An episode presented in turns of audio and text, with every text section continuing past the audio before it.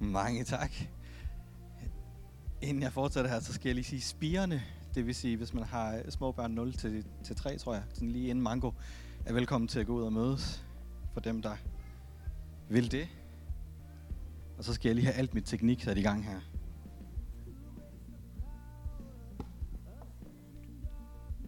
Jeg ved ikke, jeg kan ikke se ligheden. Jeg ved ikke, om det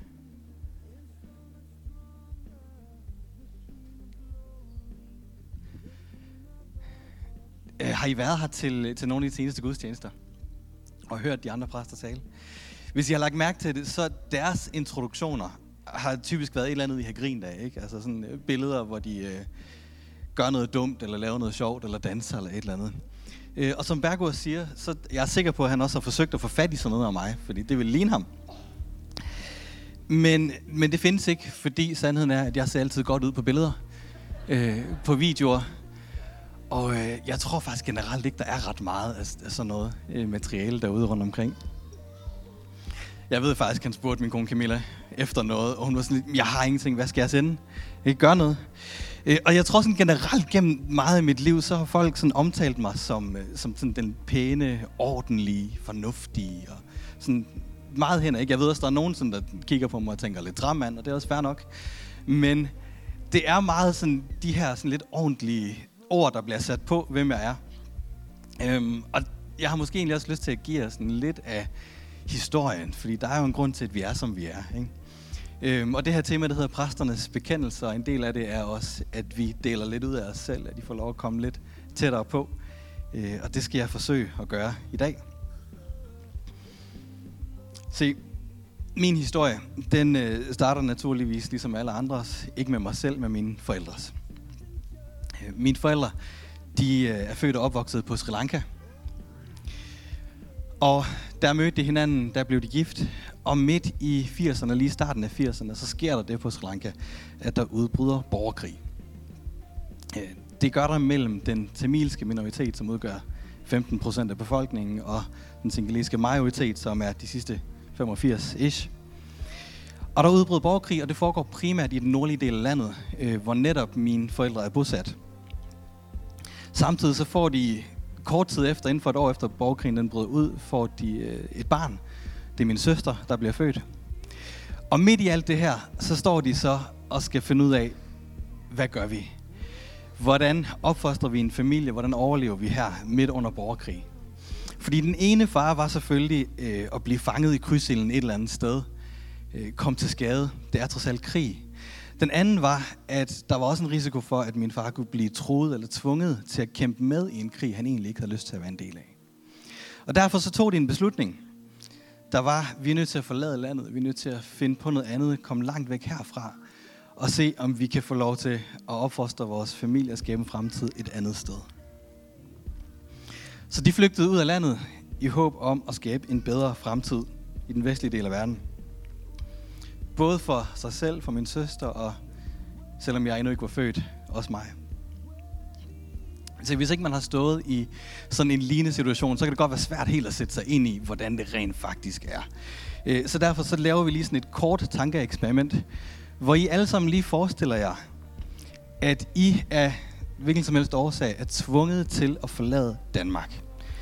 Det er simpelthen ikke sikkert for jer at blive længere. I er tvunget til at forlade Danmark. Hvordan griber man det an? Hvad gør man?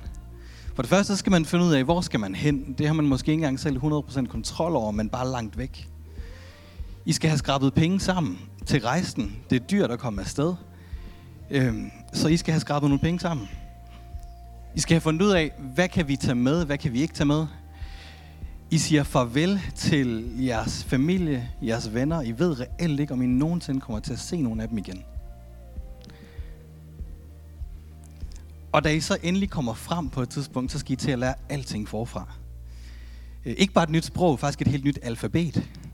Så skal I også lære sproget. Så skal I lære kulturen at kende.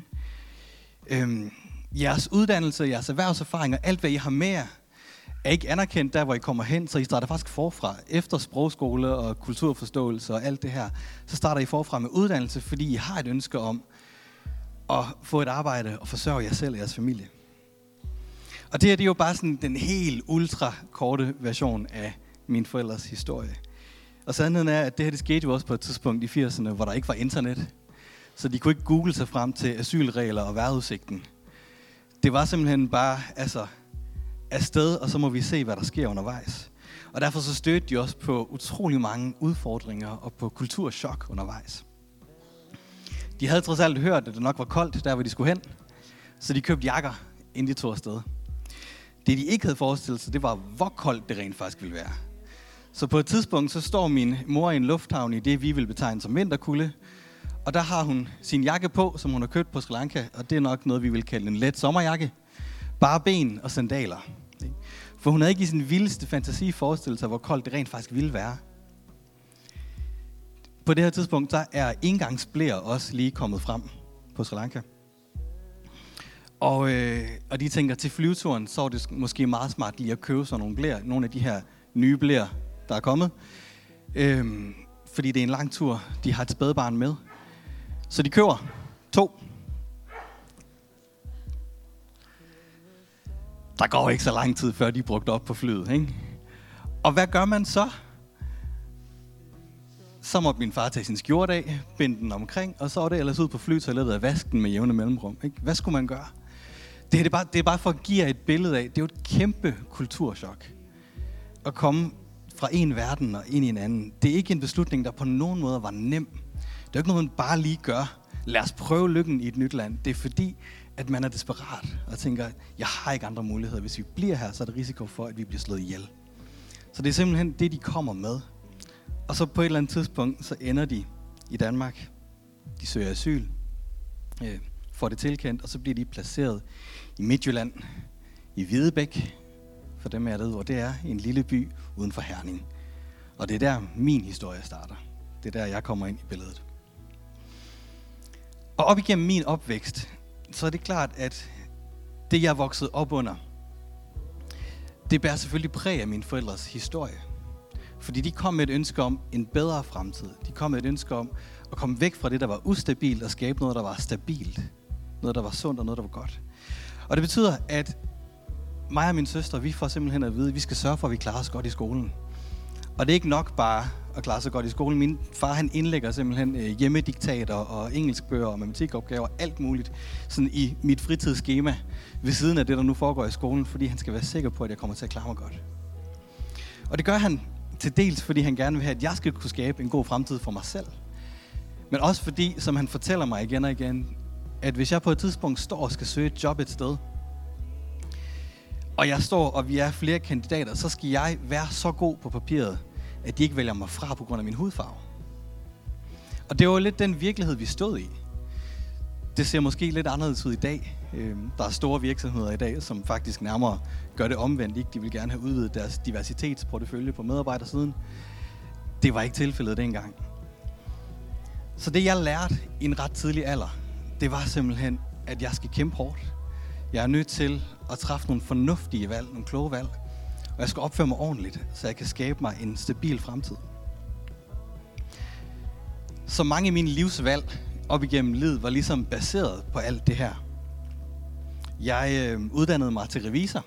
Ikke fordi det nødvendigvis var et fantastisk drømmejob. Jeg tænkte, det var ikke det, jeg nødvendigvis havde drømt om at lave, for jeg var helt lille. Jeg ved ikke, om nogen der har. Men det var et godt job. Der var gode fremtidsudsigter. Høje lønninger stabilitet og ro. Ikke? Alt det, mine forældre ikke havde haft. Og et eller andet sted, så tror jeg også, jeg følte et ansvar for ikke sådan at forspille den chance, de nu havde givet mig. Ikke? Jeg tænker, jeg er født i Danmark. Øh, det tænker jeg langt de fleste af jer herinde måske også er. Vi ved egentlig ikke altid, vi lægger ikke mærke til, hvor privilegeret vi er, at vi rent faktisk tilhører den rigeste del af verdens befolkning. Der er ikke ret mange steder i verden, hvor man har de samme muligheder, som vi har. Og jeg følte et ansvar for os ligesom at prøve ikke at forspille det, jeg havde fået givet. Samtidig så er jeg vokset op under tamilsk kultur. Og øh, det er også en kultur, hvor status faktisk betyder ret meget. Ikke? Min mor havde sådan en ting med sådan lige at prikke til mig og sige, altså, når du nu uddanner dig, skulle du så ikke tage at blive øh, advokat, eller læge, eller ingeniør. Det var sådan de tre, tre muligheder, jeg havde. Ikke? Det var, og, og det var jo ikke sådan, altså, det var ikke en mening på nogen måde. Men det lå lidt i kulturen, at det er vigtigt, at du bliver til noget. Og når hun skulle i rette sætte mig for at opføre mig forkert, så var det sjældent fordi, at det var det rigtige at gøre, at jeg skulle opføre mig ordentligt. Det var sjældent fordi, at jeg havde såret nogen. Det var altid sådan en, hvad vil de andre ikke tænke om os? Ikke? Altså, det er virkelig sådan en, det er en kultur, hvor man går meget op i ikke også tabe ansigt også. Så ordentlighed, fornuft, øh, kombineret med, at jeg af natur faktisk også er ret introvert. Alt sammen noget, der ligesom har været med til at forme mig og gjort, at jeg har truffet mange af de her beslutninger baseret på fornuft, og ikke ret meget baseret på følelser. Det har været sådan skubbet langt væk, fordi jeg skulle gøre det, der var rigtigt, det, der var godt, det, der var fornuftigt. Det, der sker, det er, at det får jo så også betydning for mit gudsforhold. Fordi mine forældre, de bliver praktiserende kristne øh, her i Danmark, mens jeg er relativt lille. Og jeg bliver introduceret til den kristne tro, og vi kommer til gudstjeneste om søndagen og holder andagter derhjemme osv. Og på et eller andet tidspunkt, så tror jeg, at jeg sådan op igennem min barndom får resoneret mig frem til, at jo, det er da fornuftigt nok, det her kirke og Gud. Fordi til del så oplevede jeg en forandring i mine forældre, som var synlig at tage at føle på. Og samtidig så harmonerede de kristne værdier og hele det her budskab jo også ret godt med mit billede af at gøre det, der er rigtigt og gøre det, der er fornuftigt. På et eller andet tidspunkt igennem teenageårene, så udvikler det sig. Jeg finder ud af, at man kan have en personlig relation til Gud. Og derfra tager det sådan ligesom fart. Men, men selv den dag i dag, så er jeg stadig typen, der oplever Gud mere med min forstand, end med mine følelser. Og det betyder også, at det faktisk indimellem var en udfordring at vokse op i en frikirke, hvor man lægger utrolig stor vægt på den følelsesmæssige aspekt af Guds forholdet. Øh, og det får mig også indimellem til at stille spørgsmålstegn og tænke, er det bare noget, vi leger? Ikke? Når jeg kiggede rundt og kunne se mennesker, der følte både det ene og det andet, det troede jeg i hvert fald, de gjorde. Og jeg sad og følte ikke ret meget. Så gik der typisk sjældent ret lang tid, før Gud han mindede mig om oplevelser, hvor han havde været håndgribelig i mit liv, hvor jeg rent faktisk havde oplevet ham, hørt ham, hvor han havde grebet ind. Og så gik tvivlen i sig selv. Men det betød også, at det tog mig ret lang tid at finde ud af, hvordan mit gudsforhold skulle se ud. Særligt fordi jeg sammenlignede mig med mennesker, som jeg troede følte en hel masse. Og alt det her, det leder mig sådan lidt frem til dagens bekendelse. Som er, jeg er ikke ret god til følelser. Dem af jer, der kender mig, er ikke overrasket. Og i virkeligheden så tror jeg også bare, at jeg har lært, at jamen, de er ikke til at stole på. De kommer ubelejligt. Og selv når de er der, så er det jo vigtigt, at fornuften sejrer. Ikke? Og så kan det godt være, at det her det har været min historie herhen, men jeg bilder ikke mig selv ind, at jeg er så unik, at jeg er den eneste, der har det sådan. Og jeg tænker, at der nok egentlig sidder ret mange af jer her, som er forskellige veje er kommet hen til noget, der minder om samme konklusion. Fornuft over følelser. Er det ikke rigtigt? Overvej lige sådan, bare lige kort for dig selv, hvad er din tilgang til det? Dine egne følelser, er de gode? Kan du lide dem? Er de mest bare i vejen? Skal de holdes i skak? Er det noget, I taler om overhovedet? Og jeg er lidt på udbane. Jeg skal tale lidt om følelser. Øh, så bær over med mig. Men øh, jeg skal gøre mit bedste, og jeg gør det, fordi at det er vigtigt. Det danske folkefærd er jo generelt sådan lidt reserveret folkefærd. Er det ikke rigtigt? Særligt sådan i det jyske. Vi er ikke gode til store armbevægelser og til at sætte ord på. Ikke? Vi er ikke gode til, gode til at sætte ord på og sige, jeg er vred, eller jeg er bange, eller jeg er ked af det. Det er mere sådan en afdæmpet version af det. Øh, selv begejstring og sådan lykke udtrykker vi også gerne i sådan lidt, lidt jyske termer. Jo, men det er da sådan nogenlunde. Ikke? Det er da okay. Jamen, det går da meget godt. Eller når noget gør os vrede, jamen, ja, det er også lidt træls. Altså, det er også, åh, og naboen, han har ikke klippet hækken. Ikke? Og der er huller i asfalten igen. Hvorfor tager kommunen sig ikke af det? Ikke? Vi brokker os i stedet for, det kommer ud sådan lidt mellem tidbenene. Fordi det gavner os jo ikke at være vrede og, og udvise følelser på den her måde. Så i stedet for, så er det bedre at forholde sig til, hvad der er fornuftigt at gøre. Vores samfund er jo i høj grad bygget op over den her filosofi, fornuft over følelser. Ikke? Det, der er vigtigt, det er fremgang, det er fremdrift, det er udvikling, det er succes, mere end det er indre, den indre tilstand. Det er jo det, vi går op i. I hvert fald sådan samfundsmæssigt. Det er jo sådan, det er bygget op. Og jeg tror, en af grundene til, at vi køber ind på den her filosofi, øh, os, os som kristne, det er jo, at når vi taler om følelser i kirkeligt regi, i kristent regi, så er det jo meget ud fra den her, øh, vi skal passe på med vores følelser. Vi skal kontrollere dem. Vi skal passe på, at de ikke skader os. Fordi der står sådan her. Hvem forstår et menneskes hjerte? Det er forræderisk og ondt helt igennem. Vi lærer, at hjertet kan bedrage, følelserne kan bedrage os. De leder os på afveje. Og det, der er vigtigt i Guds rige, det er selvfølgelig at gøre det, der er rigtigt. Er der andre af jer, der har haft den her oplevelse, eller er jeg helt galt på den? Se, grund til, at vi køber den, det er jo, fordi selvfølgelig er der sandhed i det. Det er der da. Der er sandhed i at være tænke fornuft over følelser. Absolut. Problemet er, at det ikke hele sandheden. Og når vi taler om det her emne, så er det ofte i den her kontekst af kontrol og styre, og hele den her, hvordan sørger vi for, at vores følelser ikke løber af med os, og hvordan sørger vi for, at vi holder det i skak. Øh, så derfor så kommer jeg faktisk ikke så meget ind på det i dag. Måske en lille smule til sidst. Men jeg har faktisk lyst til at lægge vægt på den anden del af det. Den del, hvor vi giver plads til dem i stedet for.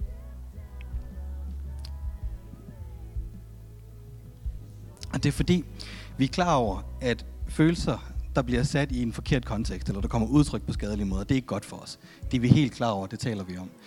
Det vi ikke altid måske er lige så bevidste omkring, det er, at det er lige så usundt at holde dem for sig selv, og skjule dem og undertrykke dem. Og hvis du sidder og tænker, det er godt fint, det har jeg helt styr på, jeg er i god kontakt med mine følelser, så tag lige og kig på en eller anden, du kender rigtig godt, hvis du har sådan en her, og finde ud af, er de enige med dig, for det er de nok ikke. Vi er forskellige steder i spektret, og nogen er som jeg måske har lidt længere til mål end andre. Men vi kan alle sammen godt bruge at komme bedre i kontakt med vores følelser. Og ja, det er meget føle-føle. Det er det i dag. Så vi skal have et lille kig på, hvad Gud han rent faktisk mener om det her. Se, hvis vi lige starter med at aflive den der. Øhm, det står i Jeremias bog. Det er skrevet om mennesker, der udøver decideret ondskab.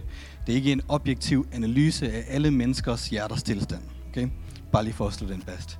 Det er ikke en øh, endegyldig sandhed talt ind over dit hjerte, at det er forræderisk og ondt. Så den fjerner vi lige igen. Det vi nogle gange glemmer at regne med i ligningen, det er, at Gud han er jo rent faktisk et utroligt følende væsen. Er det ikke rigtigt? Det er meget tydeligt igennem hele Bibelen, men vi er jo også skabt i hans billede, og det betyder, at alle de følelser, vi har, og som vi kæmper med, og som vi nogle gange føler er forkert, og alle de her ting, hvor kommer de fra? De kommer jo fra ham. Glæde, den har vi det som regel ikke så svært ved at acceptere. Ikke? Den er god. Den øh, hjælper os til at vide, når noget er godt. Den bygger gode relationer, og den bekræfter os. Så er der frygt. Den kan vi ikke så godt lide. Men den er der jo rent faktisk for at beskytte os. Sorgen er en, heller ikke en, vi nødvendigvis er ret gode til. Men den er der til dels for både at hjælpe os med at bebrejde det, der er svært, men også til at, råbe efter hjælp. Vreden, hvad skal vi med den? Den er der for at sætte grænser. Hjælper os til at sætte grænser. Afsky, lidt samme effekt. Beskytter os, sætter grænser. Med andre ord, når vi tager alle de her følelser og sætter dem i deres rette kontekst, det er det rent faktisk var tiltænkt til, så er vi jo faktisk skabt til at mærke efter og lytte til dem. Det er en meget central del af, hvem vi er. Alt det, vi elsker, alt det, vi fascinerer os af, det, der gør os vrede, det, der gør os harme, det er jo en del af det, der definerer os og definerer, hvem vi er som mennesker, hver især. Og hvis vi skal undertrykke det af frygt for, at følelserne løber af med os, så undertrykker vi også en meget stor del af, hvem vi er. Vi er skabt til at indeholde begge dele. Ikke fornuft over følelser, eller følelser over fornuft. De eksisterer sammen. Fordi konsekvensen af at undertrykke det, eller at ignorere det, og den har jeg mærket på egen krop, det er simpelthen, at man risikerer at blive følelsesløs.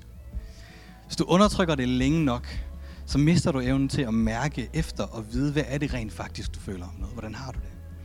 Og det er ikke kun de negative følelser, det er også de gode. Du får svært ved at sætte ord på, hvad er det, der gør dig ked af det? Hvad er det, der gør dig vred? Hvad er det, der gør dig lykkelig? Og det kommer til at afspejle sig til sidst i vores relationer. I vores billede af os selv, i vores gudsforhold, og det er derfor, vi taler om det i dag. Så hvad gør vi ved det? Hvordan løser vi det?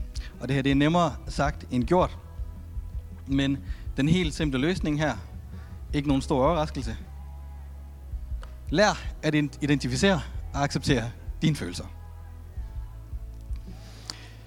Jesus han var i virkeligheden sådan et perfekt eksempel på det her. Ikke?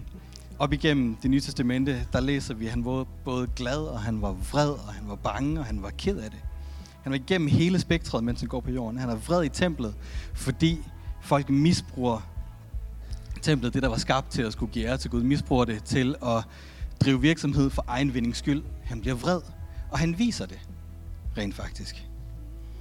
Han, øh, hvis man så nogen drive folk ud og kaste med bord på den måde i dag, ikke, så ville man tænke, at de havde mistet besindelsen. Det var måske også en anden tid, men han var ikke bange for at give udtryk for sine følelser. Der er tre gange i det nye testamente, hvor der står, at han græd. Han blev rørt, bevæget, ked af det. Og da han står i haven kort før, at han skal korsfæstet, så er han bange. Er nogen af jer har tænkt på, at Jesus rent faktisk var bange? Han beder og siger, far, hvis det er muligt, så tag det her lidelsens bære fra mig. Tag det her fra mig. Gør sådan, at jeg ikke skal korsfæstes, men din vilje ske. Med andre ord, hvis Jesus han formåede at give udtryk for følelserne, så dur det ikke, at vi fornægter vores og tror, at det er forkert at være bange og vred eller at sørge. Tværtimod så er det vigtigt, at vi lærer at give plads til det og identificere det i vores eget liv. Første skridt er selvfølgelig at prøve at stille sig selv spørgsmålet, men hvis du bare er en lille smule som mig, så er det ikke nemt. Ikke? Så sætter du dig ned, og så siger du, kan jeg vide, hvad jeg føler? Og ja, yeah, det ved jeg faktisk ikke rigtigt. Og så stopper den lidt der. Øhm, snak med nogen. Eller også så kan du gøre det, at du læser salmernes bog igennem. Det er en stor følelsesmæssig rutsjebane, der rummer hele menneskets øh, livsoplevelse fra ende til anden. Ikke? Og det er sådan noget, der kan hjælpe os med også at sætte ord på, hvordan vi selv har det. Og hvis du nu sidder bare en lille smule, ligesom jeg er, så er vi nået her til prædikenen, og du sidder og tænker, ja, det er godt fint. Altså, men øh, det er altså lige lidt i overkanten, alt det her føle-føle. Ikke? Skal jeg virkelig til at sidde derhjemme og spørge mig selv, hvordan er det, jeg har det i dag? Ikke? Jeg har det godt, lad os komme videre. Ikke? Det, det havde nok været min reaktion, hvis jeg sad og lyttede til det her. Og i virkeligheden kan jeg kun give det ret. Jeg synes også, det er lidt føle-føle det hele. Jeg tror, det her er det længste, jeg har talt om følelser nogensinde i mit liv. Det er, det er altså alle de her bløde værdier og sådan noget. Prøv at, det der er vigtigt, det er det, der er, vi skal finde ud af, hvad der er rigtigt, hvad der er godt, hvad der er sundt. Så gør vi det, og så kommer vi videre. Og så læste jeg det her vers fra ordsprogenes bog, hvor der står frem for alt, vogt dit hjerte, for derfra udgår livet.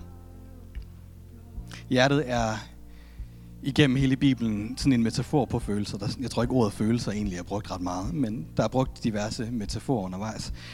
Øhm, og en af dem er jo hjertet her. Det er det indre liv. Og ordsprogenes bog beder os om at passe på det. Nogle oversættelser siger, at alt hvad du gør, kommer fra hjertet.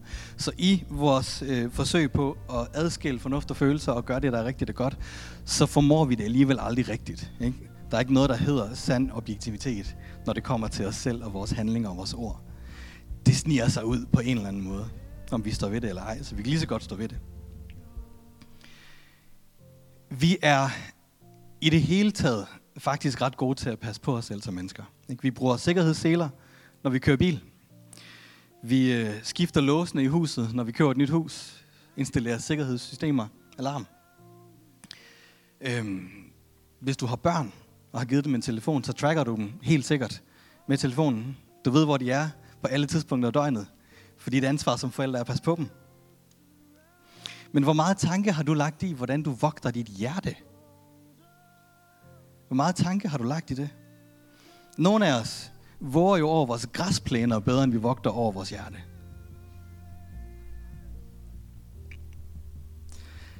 Der var på et tidspunkt en øh, sådan verdenskendt musiker, som sagde, at, øh, at han undrede sig over det her med, at kendte mennesker, talte han om her, nu tilhørte han jo dem, og så han undrede sig over, at de brugte så mange penge på at, øh, på at købe bodyguards til at passe på dem, øh, dyre huse i sådan nogle indhegnede fællesskaber, man kunne holde folk på afstand, paparazzi, medier, nysgerrige mennesker, fans, alt sådan noget. At de brugte simpelthen så utrolig mange penge på at beskytte sig selv, passe på sig selv, sørge for at sætte grænser op omkring dem. Men når de så gik i seng om aftenen, eller stod op om morgenen, tog de sådan en her frem, åbnede for sociale medier, og så sad de og kiggede. Og så kunne de se, hvad folk siger om dem på nettet. Alt det negative, al kritikken, det hele. Så de har brugt så mange penge på at beskytte sig selv fysisk, og så sidder de hjemme i soveværelset og lukker folk ind i deres hjerter. Hvor god er du egentlig til at vogte dit hjerte? To forslag til, hvordan vi kan vogte vores hjerter. Den ene, i forlængelse af det her. Kontroller det, der går ind i dit hjerte. Du kan ikke styre, hvad du føler. Du kan ikke fortælle dig selv, at du skal føle noget andet. Hvis du sidder og er bange, så kan du sige til dig selv, lad være med at være bange. Ikke? Det virker ikke. Sådan fungerer de menneskelige følelser ikke. Du kan ikke styre, hvad du føler, men vi kan vogte vores hjerte, så kan vi mindske indtaget af det, der skaber de negative følelser. Vi kan mindske de påvirkninger, der fremkalder noget i os, vi ikke vil. Vogt dit hjerte.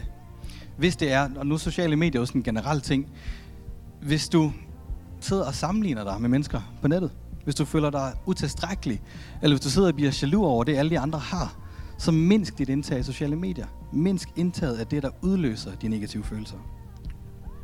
Hvis der er mennesker, hvis der er nogle bestemte mennesker, der fremkalder en negativ følelse i dig, hvad kan du så gøre? Du kan distancere dig fra dem. Kontroller, hvad det er, der kommer ind. Pas på dit hjerte. Og lige så vel som, at vi skal passe på det, der går ind, så pas på det, der kommer ud. Alt i livet udgår fra hjertet, siger ordsprogenes bog. Alt hvad du gør, alt hvad du siger, det kommer derfra. Det starter med tanker, med følelser, og de to ting påvirker hinanden. Og så kommer de ud på en eller anden måde. Og en ting er at give plads til dem, og mærke efter, og finde ud af, hvordan det rent faktisk jeg har det. Noget andet er at finde ud af, hvad, om du skal gøre noget ved dem. Nogle gange så tror jeg, der er frihed bare at ikke udtryk for det. Bare turde at være ærlig, stå ved sig selv, og så sige, det er sådan, jeg har det. Øh, jeg er gift med en psykolog, som jeg har spurgt lidt til råd som det her emne. Øh, og hun er ikke nødvendigvis enig i alt, hvad jeg siger i dag. Men det må hun selv, øh, det må hun selv rette op på en anden gang. Men noget af det, hun fortæller mig, det er, at, at indimellem så har hun set klienter, hvor hvis man spørger dem, hvad de føler, så siger de, det ved jeg ikke, jeg ved ikke, hvad de føler. Og så sådan spørger lidt ind, så begynder de at klemme lidt mere sammen. Og man kan se på dem, at deres kropsudtryk, alt skriger i dem, at de er vrede. Men de har svært ved at stå ved det, og de har svært ved at sige det, fordi de mener ikke, at vreden er en legitim følelse. Så en del af det er simpelthen bare det her man lærer med at mærke efter og give udtryk for det. Og noget andet er at finde ud af, skal du gøre noget ved det?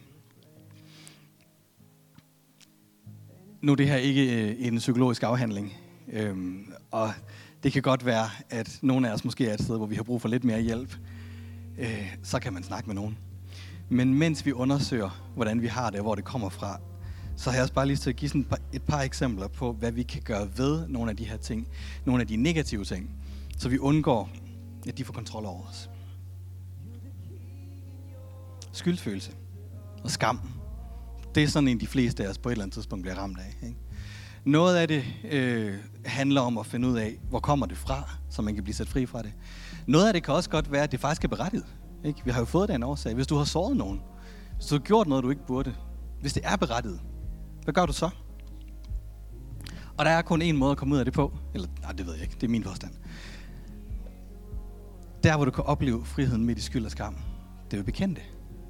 Skam og skyld mister sin magt, når det kommer ud i lyset. Det har, og det har allerstørst magt over, når du holder det for dig selv. Hvis det er vrede, der er problemet, og det handler om mere end bare, at du skal lære at sætte grænser, så er der også en måde at opleve frihed på. Hvis det er, at du er vred på nogen. Det er tilgivelse. Det er vigtigt at sætte grænser, men det er lige så vigtigt for dig selv at lære at tilgive. Fordi ting, der ikke bliver tilgivet, hvad bliver de til? Bitterhed. Er der nogen, der sårede dig, gjort dig vred, gjort dig ked af det, så sæt grænser. Pas på dig selv, men tilgiv dem for din egen skyld. Den her, den, øh, ja, hvis, jeg har lyst til at sige, sige sådan egoisme eller grådighed og sådan noget, ikke? men hvor mange af os kigger sig selv i spejlet og tænker, åh, oh, du er et grådigt menneske. Den er svær at se selv, ikke? Altså, jeg er svært ved at se i spejlet og opdage det. Øhm, måske er der nogen, der har fortalt dig det. Hvem ved? Hvis det er din udfordring, hvis du har svært ved at sætte andres behov over dine egne, hvis du tænker, at jeg skylder mig selv at tage mig af mig selv først, hvis det er din tilgang til livet, så er der faktisk også en måde at opleve en frihed på. Ved at give. Giv af din tid, dine ressourcer, dine talenter. Giv af det, der betyder allermest for dig. Når du deler det, der betyder allermest for dig med andre mennesker, hvad sker der så? Så oplever du en frihed. Du kan give slip, i stedet for at holde fast. Eller hvad med, når vi misunder andre for noget? De har opnået. Det har de ikke fortjent. Eller det skulle have været mig. Eller når vi bliver skadefro. Det er sådan en af de grimmeste følelser, øh, der findes. Og, øh, og jeg har den i mig, desværre. Øh, men kender I det her med, at så ser man nogen, der kommer galt øh, afsted, eller et eller andet, der et eller andet, der ikke lykkes for nogen, man bliver sådan lidt, ja, godt det går mig. Ikke? Altså sådan, i stedet for at have medfølelse, så kan man godt sige sådan, jamen prøv, der er grund til programmer som Luksusfælden, ikke? Altså, hvad kører de på? Øh, sæson 50? Jeg ved ikke, hvor mange det er. Men prøv, der er en grund til, at det er så populært, fordi vi får det godt med os selv.